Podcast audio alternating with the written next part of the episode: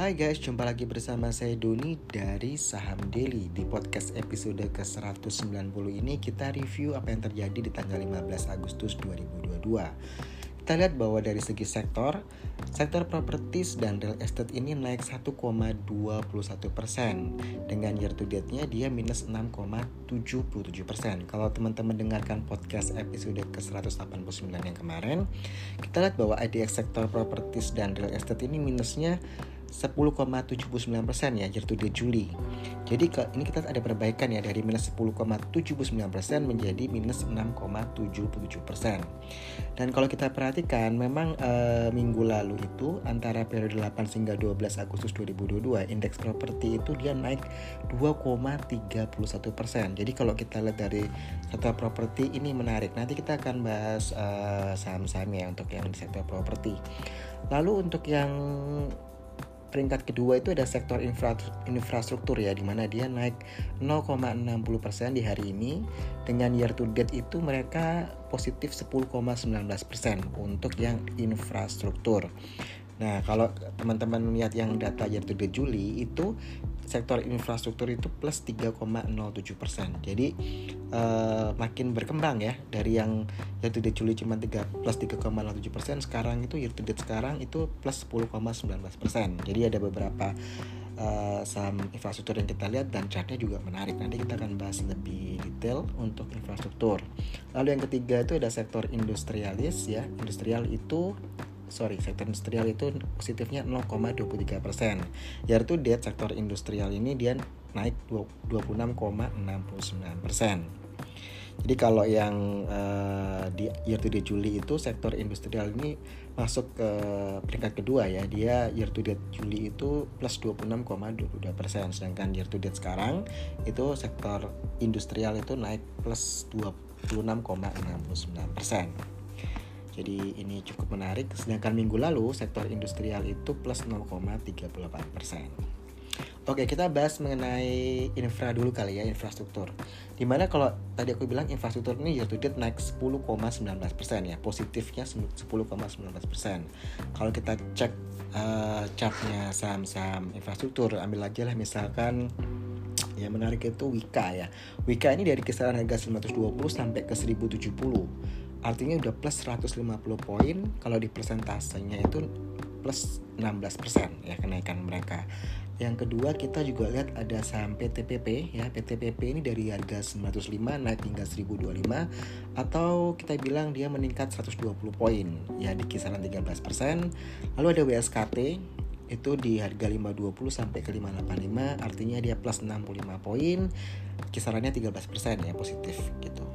Yang keempat kita lihat ADHI ya, saham ADHI ini ADI dari 730 dia ke 805 naik 75 poin, artinya kisaran kenaikannya 10%. Kalau di average 4 saham ini mereka tuh rata-rata naiknya 13%. Jadi memang kalau lihat chartnya ini cukup menarik ya untuk uh, infrastruktur. Lalu kita juga lihat untuk sektor properti yang awal-awal kita bilang memang properti uh, kita bilang paling lager tapi sekarang udah mulai naik nih. Kalau kita lihat dari chartnya juga bagus ya.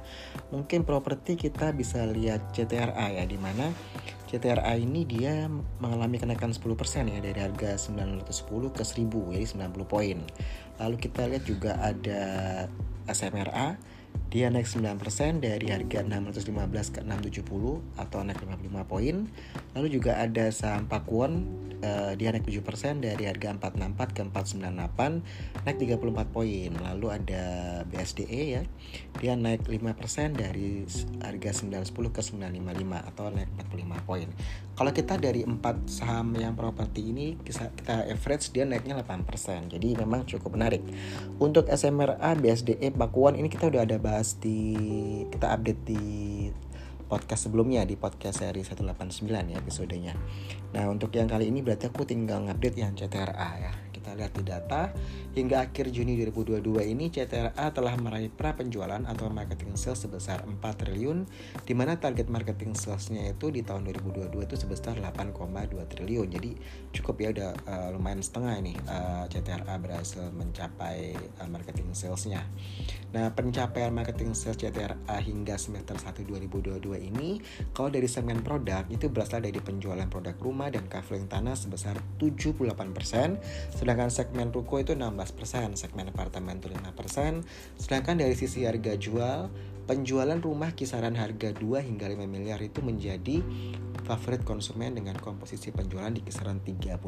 Jadi rumah-rumah yang harga 2 sampai 5 miliar ini yang jadi favoritnya eh, orang-orang uh, ya dibeli gitu. Nah, di tahun 2022 ini, Ciputra menambah proyek baru antara lain proyek Citraland Tanjung Morawa di Sumatera Utara yang akan di launching di kuartal 3 2022. Nah, ini rentang harga rumah yang ditawarkan itu di 400 juta hingga 1,5 miliar dengan luas pengembangan mencapai 15 hektar dari total 50 hektar. Proyek yang kedua ada proyek Citraland Sampali Kota Deli Megapolitan di Sumatera Utara dengan total lahan pengembangan 1,35 hektar dengan target diluncurkan di kuartal 4 2022 dengan target marketing salesnya 450 miliar dari proyek ini. Jadi ini sama-sama di Sumatera Utara. Proyek yang satu itu di launching di kuartal 3 sedangkan proyek yang keempat eh, yang kedua ini di launching di kuartal keempat di tahun 2022. Lalu ada juga proyek di Kedamaian Kabupaten Gresik di Jawa Timur ya di mana eh, mereka ini buat eh, rumah sebanyak 338 unit rumah harganya mulai dari 527 juta saya ulangi, mereka bangun 338 unit rumah, harganya mulai dari 527 juta dengan pengembangan kawasan di atas 200 hektar. Ini tanahnya milik PT Prima Damai Permai yang dikerjakan secara bertahap dalam jangka panjang.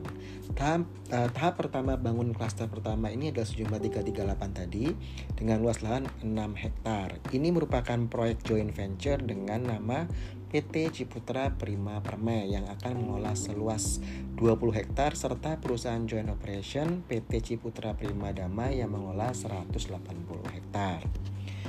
Kita secara kinerja di semester 1 2022 ini Ciputra meraih laba bersih sebesar 1,73 triliun dengan pendapatan sebesar 2,23 triliun.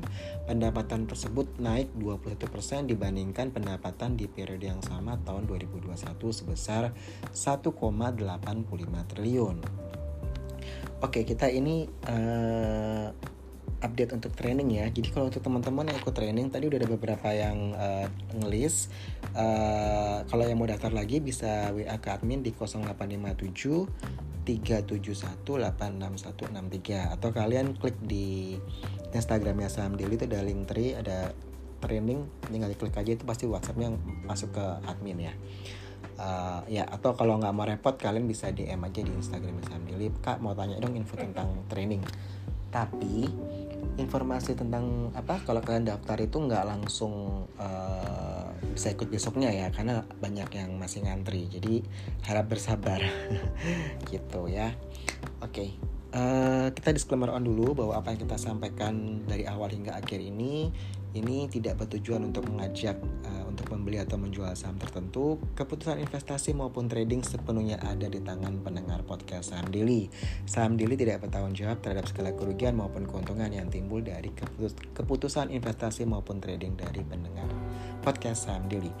Thank you banget buat yang selalu support kita, yang selalu uh, thank you ya, walaupun nggak buka clubhouse tapi uh, selalu hampir tiap hari di podcast ya uh, ini reminds us tentang sejarahnya saham daily di mana kita memang uh, awalnya dari podcast. Jadi kita kembali ke basic di mana kita senang untuk sharing sama teman-teman. Thank you juga uh, buat yang udah banyak DM masuk untuk support kita. Jangan lupa untuk kasih star ya bintang bintang bintang 5 di Spotify Apple Podcast sama di Noise. Or you may comment di situ ya. Jadi biar tim kita semangat nyiapin bahan. Thank you.